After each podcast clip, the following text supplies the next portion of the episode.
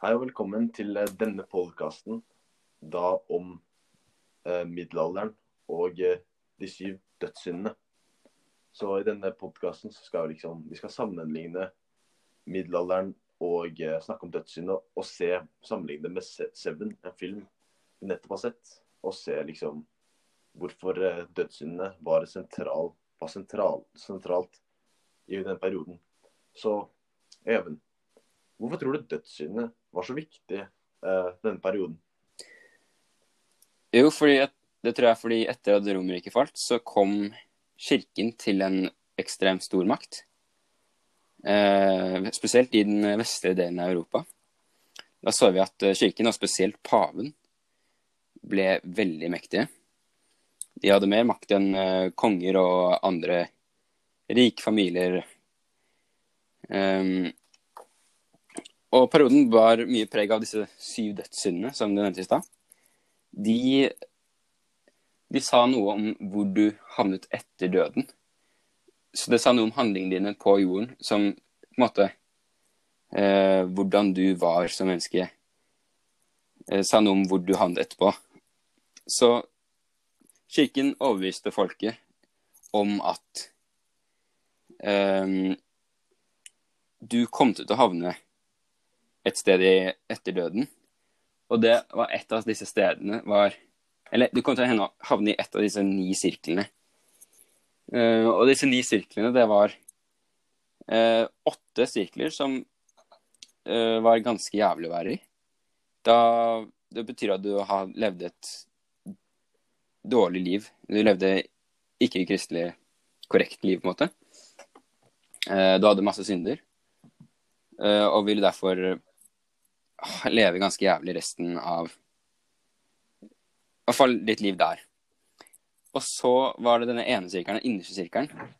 Der havnet uh, Der havnet eh, profeter og uh, andre folk som har levd et på en måte korrekt kristelig liv. Som fortjente å ende opp der. Og de levde eh, på en måte et smertefritt liv etter døden. Og hadde det fint der. Men vi, vi så en film som baserte seg mye om disse syv eh, dødssyndene. Kan ikke du fortelle litt om dette, Dex? Eh, jo, vi så jo filmen Seven da, for litt siden. Og tittelen på filmen Seven det er jo syv, som betyr de syv dødssyndene. Som er jo det da filmen handler om.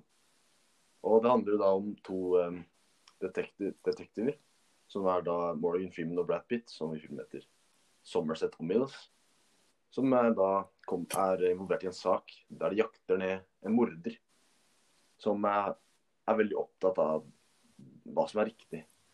Så han dreper folk som har begått eh, dårlige handlinger, som er dårlige for verden. Og når han da dreper dem, så mener han at han gjør noe bra for samfunnet. Så etter hver, hver gang han dreper noen, så skriver han i blod navnet på av, et av syndene. Så f.eks. grådighet. Og eh, han har en veldig spesifikk plan når han eh, gjør dette. Og det er at han skal eh, bli husket som en legendarisk morder. Og det han skal gjøre, det settet han skal fullføre, skal han gjøre på et legendarisk vis. Og det er da å få de to detektivene til å fullføre settet for ham. Så når han har gjort fem mord, og da fem synder, så eh, dreper han da kona til den ene detektiven, som er Brad Pitt, som gjør at han selv først begår den sjette synden. Og da gjør han Brad Pitt så sur at eh, eh, han dreper John Doe, som da er morderen. Som da, og da, mot sin egen vilje, så gjør han den, den siste synden. Og da nå dreper morderen. Så da er morderen død, og har mot viljen til da Brad Pitt fått han til da gjøre den siste synden, som er da hele planen. Så det er liksom det er det som er eh, Det er det filmen handler om. De syv syndene på den måten. da, Dødssyndene. Vi, se- vi ser jo at uh, på en måte, han gjør dette uh, basert på hvordan det var på en måte i middelalderen. Da.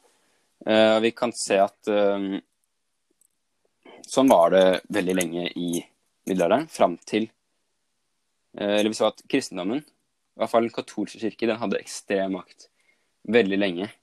Fram til ca. Eh, 1500-tallet.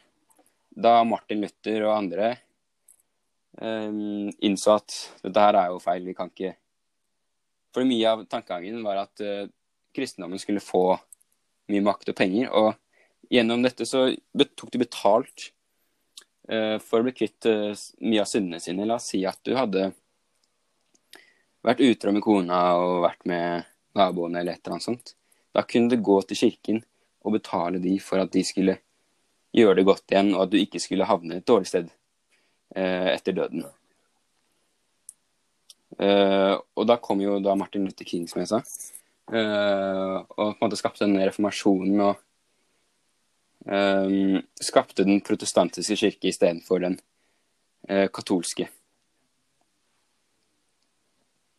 Mm. Ja.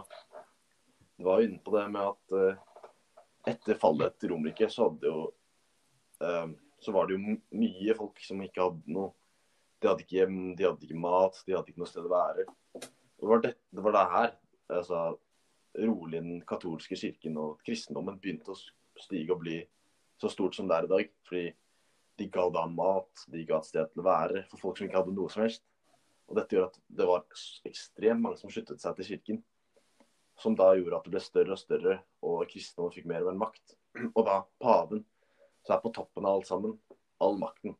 Så der, eh, altså, paven kunne gjøre siv det han ville, og få folk til å gjøre hva han ville. For han hadde så mye makt at uh, ja, han kunne gjøre hva som helst, egentlig. Mm. Da så vi jo store klasseforskjeller også. For det var jo et tydelig maktsamfunn der. Da så vi at uh, det var stor forskjell på rike og fattige.